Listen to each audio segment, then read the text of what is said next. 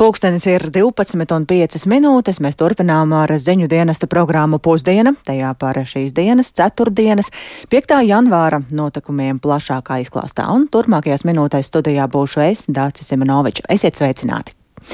Un pasaules uzmanība šobrīd ir pievērsta pāvesta Benedikta 16. bērēm Vatikānā, Svētā Pētera laukumā. Pirms brīža ir noslēgusies svinīgā atvadīšanās. Pāvests nomira 31. decembrī 95 gadu vecumā un ceremonijai līdzi šobrīd sekoja līdzi arī kolēģis Uldis Česberis, kurš man šobrīd pievienojas. Sveiks, Uldi! Jā, labdien, Dārci! Labdien, Latvijas radio klausītāji! Kā norisinājās Benedikta 16. bēru ceremonija? Publiskā bērnu ceremonijas daļa sākās pusvienpadsmitos pēc Latvijas laika un ilgā aptuveni pusotru stundu. Tā tad tā ne, nu pat, nu pat ir noslēgusies, un tā notika pašā Vatikāna sirdī, Svētā Pētera Pētera laukumā, un eh, Benedikta 16. šķirsts bija novietots uz kāpnēm eh, Svētā Pētera bazilikas priekšā. Un eh, ceremoniju vadīja pašreizējais pāvests Francisks, kurš stājās amatā 2013. gadā pēc tam, kad atkāpās tieši Benedikts 16. Bēru ceremonija iesākās ar kora izpildītiem viduslaiku garīgajiem dziedājumiem un pāvesta Franciska lūkšanu. Ceremonijas laikā skanēja svēto rakstu lasījumi vācu, itāļu, arābu, portugāļu un franču valodā valodās. Ceremonijas beigās eh, pāvests Francisks apslacīja Benedikta 16. šķirstu ar svēto ūdeni un aizdedza vīraku. Viņš arī vēlreiz aizlūdza par Benediktu 16.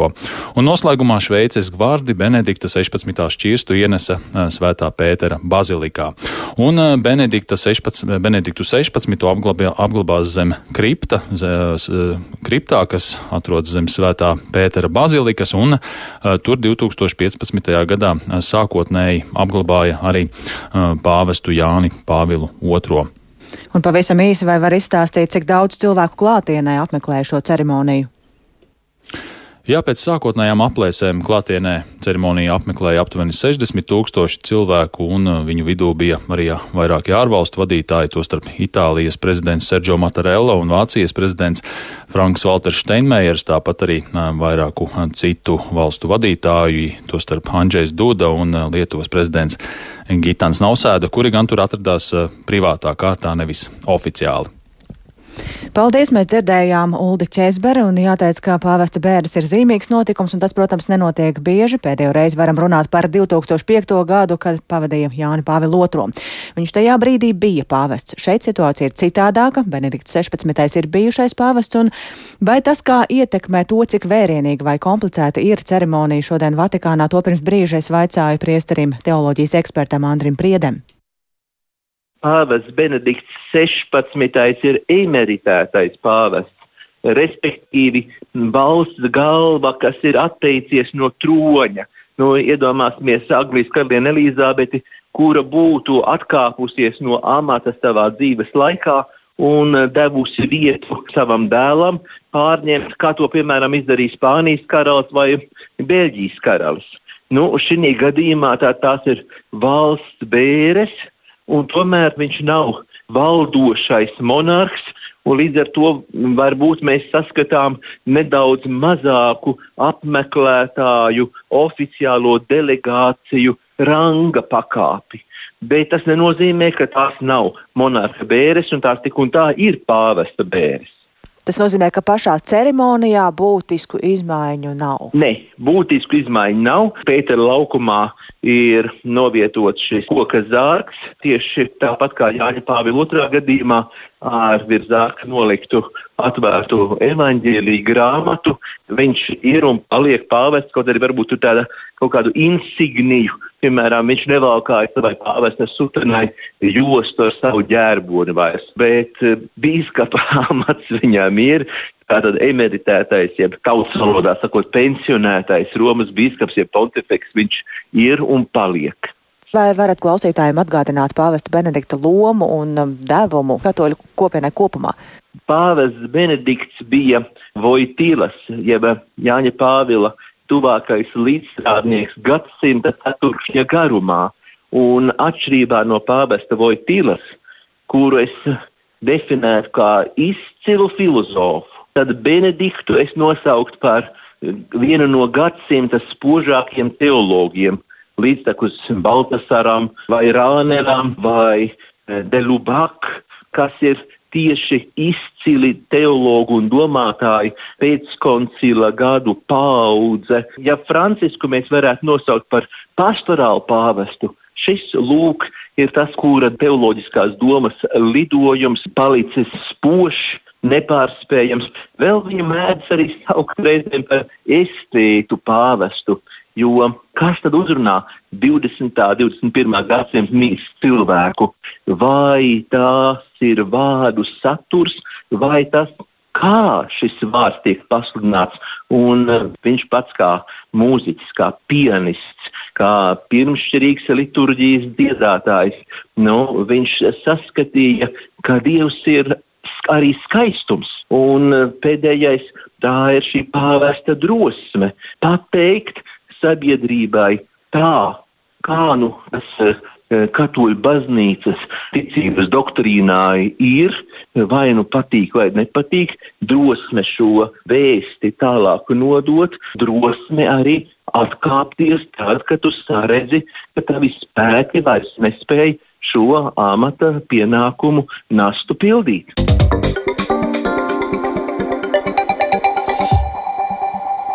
Un pievēršamies citām aktualitātēm. Turpinoties Krievijas izvērstajam karam Ukrainā, rietumi sola arvien jaunu militāro palīdzību Ukrainai. Savukārt Ukrainas prezidents Volodimirs Zelenskis brīdina, ka Krievija tuvāko mēnešu laikā plāno vēl vienu agresijas vilni un ir jādara viss iespējamais, lai tas kļūtu par pēdējo.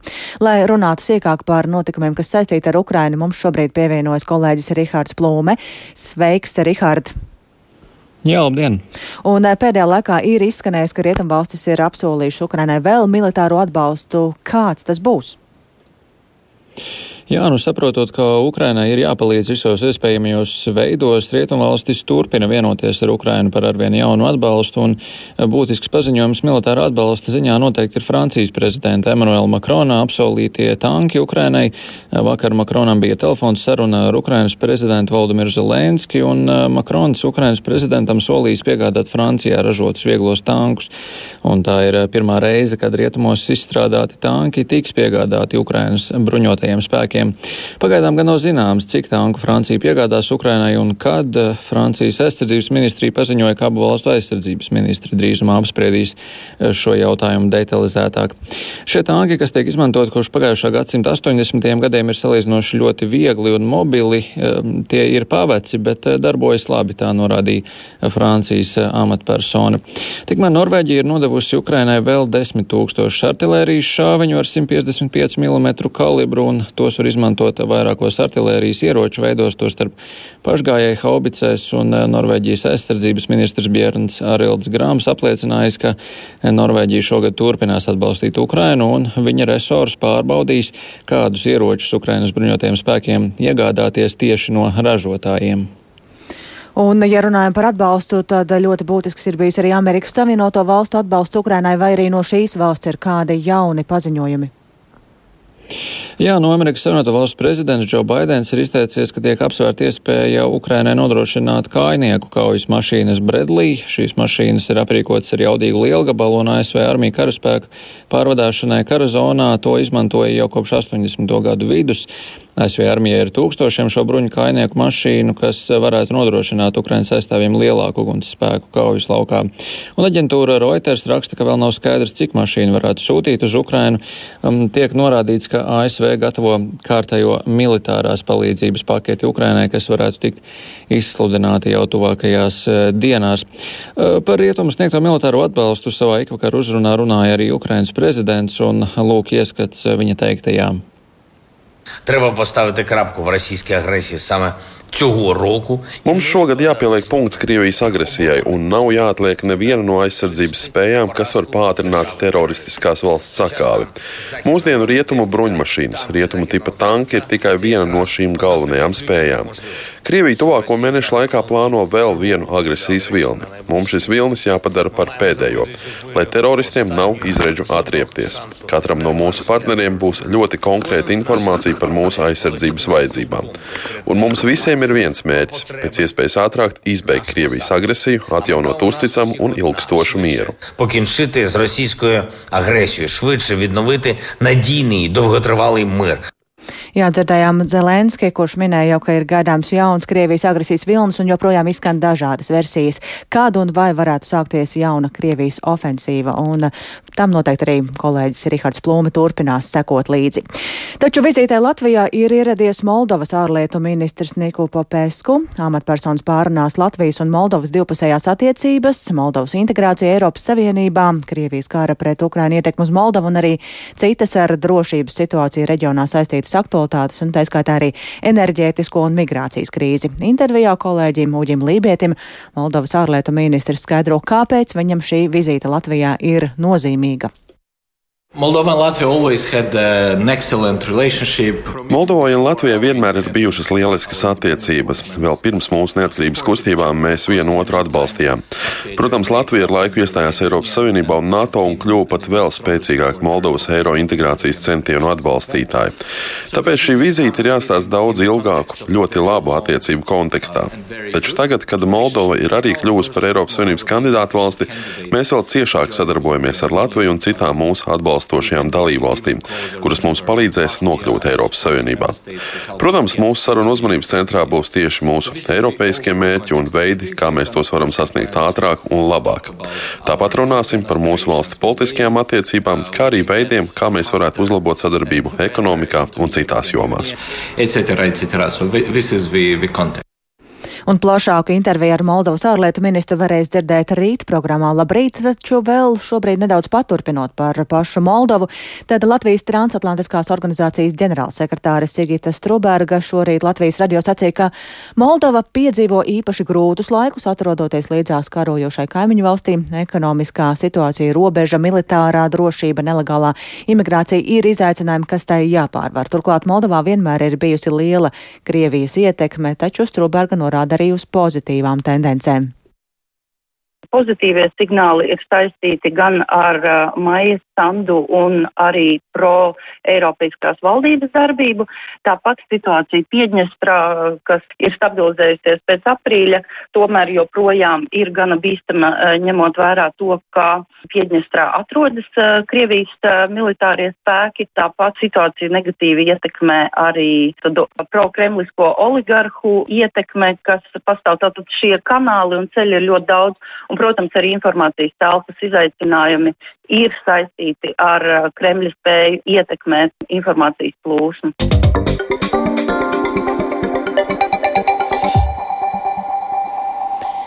Turpināsim programmu ar šī rīta Nacionālo trīspusējās sadarbības padomu sēdi. Vēl pirms tās Latvijas Brīvo arotbiedrību savienības priekšsēdētājs Egils Baldzāns Latvijas radio uzsvēra, ka arī šajā svēdē e, uzsvērs to, ka ir jāceļ ar nodokļiem neapliekamais, jāceļ ar nodokļiem neapliekamais minimums, un tas ir svarīgi, lai Latvija būtu līdzīgā situācijā ar Igauniju un Lietuvu. Kaimiņu valstīs to cēla divus gadus pēc kārtas, bet Latvijā tas šogad nav darīts. Un tā sacīja Baldzēns, atgādinot, ka arotbiedrība pērn vairāk kārt centās sasaukt par šo jautājumu trīspusējā sadarbības padomas sēdi, bet tas neizdevās. Un otrs jautājums - brīvo arotbiedrību savienības vērtējumā esot minimālās mēneša darba algas turpmākā paaugstināšana. Paklausīsimies, ko Baldzēns šorīt sacīja kolēģiem programmā Labrīt! Ir skaidrs, ka tajā brīdī, kad kāds saka, ka minimālās algas paaugstināšana pie 22 gandrīz procentiem inflācijas, kāda bija decembrī, nu, tad mēs varam teikt, ka tur nekāda populisma nav. Jā, tas ir pilnīgi skaidrs, ka tajā brīdī ir kaut kas jārisina. Un vēl viens aspekts no konkurētspējas viedokļa, mēs pat skatāmies tieši uz minimālo algu, tad pagājušā gadā situācija jau bija tāda, kad Igaunijā šī minimālā alga ir izdevīgāka no konkurētspējas viedokļa Latvijas darba devējiem par 41,5% un Lietuvā par 20%. Tas ir vēl neģerēķinoties to, ka viņi paaugstina gan neapliekamo minimumu, gan minimālo algu un ievērojami. Nu, runājot par šī gada budžetu, kādas būtu arotbiedrību prioritātes, ko jūs vēlētos redzēt, vai jau minētais neapliekamais minimums ir tas? Nē, no, tas, tas ir viens, kas visiem, protams, ir, un vajadzēja mums to izdarīt jau septembrī kopā darba devējiem devējiem un pataugstināt, jo tad mēs arī šīs izmaksas būtu izlīdzinājuši starp darba devējiem, valsti un pašvaldību. Bet mūsu uzdevums, protams, šī gadījumā ir eh, divas lietas. Tas ir darba samaksas jautājumi. Mēs saprotam, ka mēs nevaram pieprasīt 20% kompensāciju šajā brīdī, kā tas būtu loģiski, ja, un kāpēc streika kustība tur rietumos ir. Un arī, kā jūs redzat, viņi arī cīnās tieši ar streika metodēm, lai kaut ko tādu panāktu. Bet, piemēram, ja mēs paskatāmies arī pēc tiem finanses ministrijas datiem, tad mēs redzam arī to, ka praktiski pieaugs arī algas, bet tajā pašā laikā tas algu pieaugums vienalga būs 7,9% zemāks pēc salīdzināmām cenām, pēc reālajām cenām nekā, teiksim, ieprogrammēt. Otrs jautājums ir koplīgumi un tā programma, ko mēs ar, kopā ar parlamentu izcīnījām, ka Eiropas Savienības direktīva noteica, ka koplīgumiem jābūt atbalsta programmam, un šeit vajag izstrādāt tādā veidā, lai arī darba devējiem būtu iegūms, piemēram, profesionālai, augstākai izglītībai, izdevumi, kas nozīmē kvalifikācijas celšanu, prasmju celšanu, nozīmē to, ka nevajag pielīdzināt vēl papildus izmaksām, kas ir par izglītību, arī darba spēka nodokļus. Tas ir sociālos nodokļus un iedzīvotāju nodokļus, kas ir papildus lokus arī darba devējiem. Tāda risinājuma nepieciešama. Ministriju darba devēju un arotbiedrību pārstāvi šorīt spriestajam par nākamo trīs gadu valsts budžeta iespējām dažādās nozarēs. Sekoja līdz arī kolēģi Linda Spundeņa, kura man šobrīd līdzās studijā. Sveika, Linda, un ko tad sadarbības partneri sagaida no nākamā gada budžeta? Sveika, Dārts! Labdien, klausītāji! Kā jau nu pat ierakstēt dzirdējām, Latvijas Brīvo arobiedrību savienībai ir savas prasības, tāpat zināms, ka Latvijas Tirzniecības rūpniecības kamera varētu rosināt darba spēka nodokļu samazināšanu, jo kaimiņu valstīm šīs izmaksas ir mazākas, un šis ir jautājums par konkurenci.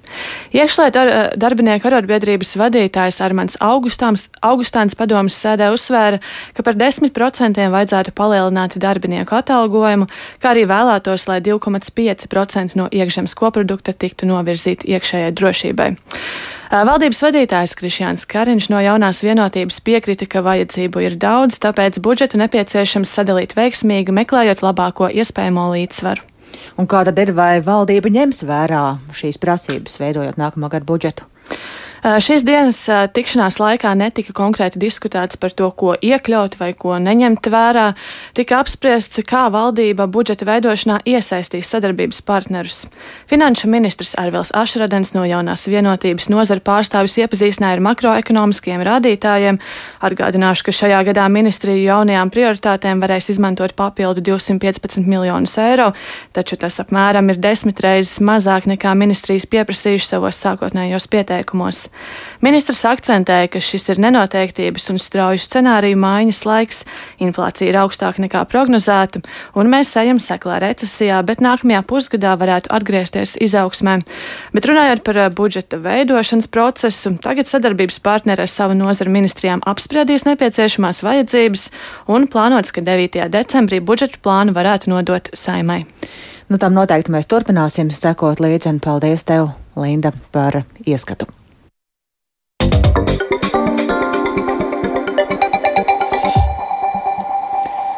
Un runājot par izglītību, novadiem šis būs kārtējais izaicinājumiem pilnais gads izglītībā, jo ir jāturpina sakārtot skolu tīklu. Citiem vārdiem sekot, jālemj par mazo skolu slēgšanu vai pievienošanu citām. Taču vismaz kurzemes pusē, kur pēc novadu reformas teju katrā pašvaldībā var atrast pa kādai slēgtai vai reorganizētai skolai, ar jauniem lēmumiem par skolu tīklu sakārtošanu pagaidām nesteidzas. Vairāk par to interesējās Inga Ozola.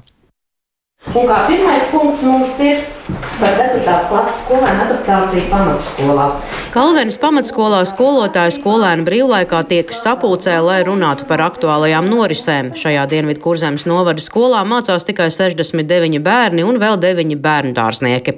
Kaut arī šobrīd skolu negrasās slēgt, nākotne nav cerīga, saka skolas direktore Skaidrīta Segliņa. Bērnu skaits tā ļoti krasi nepalielināsies, tāpēc, ka redzam savu iedzīvotāju sastāvu, kāds ir Kalvenē, un arī redzam, ka nevaram cerēt uz tādu ļoti lielu dzimstību. Vienīgi ir tas, ka ir vecāki, kur izvēlas bērnus sūtīt uz mazāku skoliņu, jo mums mācās vairāk bērnu aizputs. Dienvidu kurzemes novadā apvienoja astoņus novadus ar vairāk nekā 40 izglītības iestādēm. Nevienu skolu pagaidām neslēgs, taču novadā tiek izstrādāta izglītības stratēģija, kas tad arī parādīs, kādus resursus optimizēs nākotnē. Pārmaiņas gaidāms drīzāk nākamgad, skaidro izglītības pārvaldes vadītāja Ginte Kampare. 2022. gadā tika slēgta Sikšņu pamatskola. Objektīvu iemeslu dēļ, jo skolēnu skaits Sikšņu pamatskolā uz, uz likvidācijas brīdi bija 38 bērni. Tā, ja rēķinam, tā ir pamatskola, ja, tad varam apmēram saprast, cik katrā klasē bija bērni. Citā Kuldīgas novadā vietējās izglītības pārvaldes vadītāja Santa Duburi skaidro, ka vasarā darbību pārtrauca Laidu pamatskola. Alsungā pirmskolas izglītības iestāde pievienoja Alsungas pamatskolai, bet Kuldīgas otrā vidusskola pārtapa par Indriķa Zeberiņa Kuldīgas pamatskolu. Arī Skrundas vidusskola kļūs par pamatskolu. Bet šobrīd vēl šis mācību gads un nākamais mācību gads, tātad 11. un 12. klase, kuri ir sākuši mācības šajā skolā, vidējās izglītības programmā, viņi arī šo skolu kā vidusskolu pabeidz. Un pēc diviem gadiem tad Krundā skola kļūst no vidusskolas par pamatskolu. Citas izmaiņas kuldīgas skolu tīklā šobrīd netiek plānotas. Tikmēr Ventspils novada izglītības pārvaldes vadītāja Aina Klimoviča stāsta, ka ņemot vērā izglītojamo skaitu, jau 2021. gadā Piltenes vidusskola kļuva par pamatskolu. Notika arī citas pārmaiņas. Pagājušajā mācību gadā tika slēgta Anahitas pamatskola, tā bija bērniem ar speciālām vajadzībām. Ir pieņemts domas lēmums ar 2023. gada martu Popes pirmskolas izglītības iestādes zemenīt pievienot um, Popes pamatskolai. Izstrādājot šo stratēģiju, tiks uzklausīt ierosinājumu, domāsim vēl kā optimizēt skolu tīklu. Tā Ventspils novadā. Savukārt Talsu novada izglītības pārvaldes vadītājs Ulris Katlabs stāsta, ka tur visticamāk tiks apvienotas Rojas un Rūdas bērnu dārza administrācijas, bet abas vietas saglabās. Vēl notiek diskusijas par Kolkas pamatskolu, kas visticamāk kļūs par sākuma skolu. Talsu novads gan atteicies no vidusskolu reorganizācijas, kaut arī bija iespējams piesaistīt finansējumu nepilnu divu miljonu eiro apmērā. Dunda, Groja, Mētrakna un Valdemāra pils bet neoficiāli esam ar deputātiem kopīgi pārunājuši, ka Talsts novads šajā projektā nepiedalītos. Līdz ar to nu, mēs šīs vidusskolas šī projekta dēļ par pamatskolām nereorganizējam. Izglītības attīstības stratēģijas plānu skaļ arī abas lielākās kurzemes pilsētas Liepā un Ventspils. Ventspilī pašlaik skolu optimizācija netiek plānota. Liepājā tikmēr notiek apjomīga skolu tīkla izpēte. Ingozola Latvijas radio kurzemē. Un vēl viens temats, kuram gribam pavisam īsi pievērsties, ir čeku lotereja. Tā šogad vairs neturpinās, jo vairs tai būtiskus ieguvumus neredz, taču vēl līdz šīs dienas beigām var decembrī saņemtos čekus reģistrēt un februārī būs fināla izloze. Latvijas radio vismaz šorīt Rīgas ielā sastapa vien tādus, kuri nekad šajā loterijā nav piedalījušies. Daži teica, ka nav bijusi vēlme vai interese, bet daļa atzīst, ka nemaz netic, ka patiesi kāds tajā varēja laimēt. Tāpat arī retais cilvēks vien zina kādu, kurš ir tajā piedalījies. Vai jūs esat kādreiz piedalījies? Esmu, bet atmetis. Kāpēc? Laika izšķērdēšana palika neaktuāla. Ticamība ir, bet nu, daļa sava laika vienīgi. Nē, nav ticamības. Jūs saprotiet paši, kā iesniedzot vienu čeku vai simts čekus, jā, nu, ticamība maza. Nē, Nē. vispār reti paņem čekus un. Uh... Nezinu, vienmēr liekas, kaut kas tāds - sākumā domāju, tas ir augstā čeka loterija. Nē, nu, krājas čekas kādreiz iekrājās, bet uh, man liekas, tas sarežģīti nodot kaut kādai loterijai. Nē. Nekad neesmu iesniegus. Es nezinu, es kaut kā ļoti neticu tām loterijām. Vai jūs zināt? Man nesaisti tas tā īpaši. Ja godīgi sakot, nezinu daudzus, kas ir uh, piedalījušies. Nē, bet es redzēju, ziņās šodien bija jā, pēdējā. Kāpēc jūs neesat piedalījušās? Zinu, es nav, laikam, nav atbildi. Jā, laikam nevācu tik intensīvi čekus. Jā.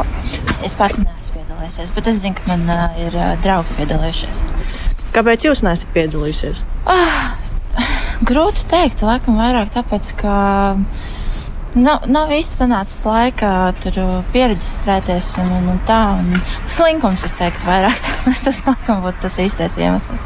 Jūs minējāt, ka jums ir paziņas, kas piedalās, jā. vai viņi kādreiz ir vinējuši? Uh, jā, uh, paziņa viena vinēja 100 eiro, tas šķiet. Bet uh, tas ir laikam vienīgais gadījums, ko es zinu. Un tas arī viss ziņu dienas veidotajā programmā Pusdiena. Producents Kārlis Dagilis ierakstus montēja Uldis Grīnbergs, par labskaņu rūpējās Katarīna Bramberga un ar jums sarunājās Dāce Simonoviča. Meklējiet mūs arī raidierakstu platformās un sabiedrisko mediju ziņu portālā LSM LV.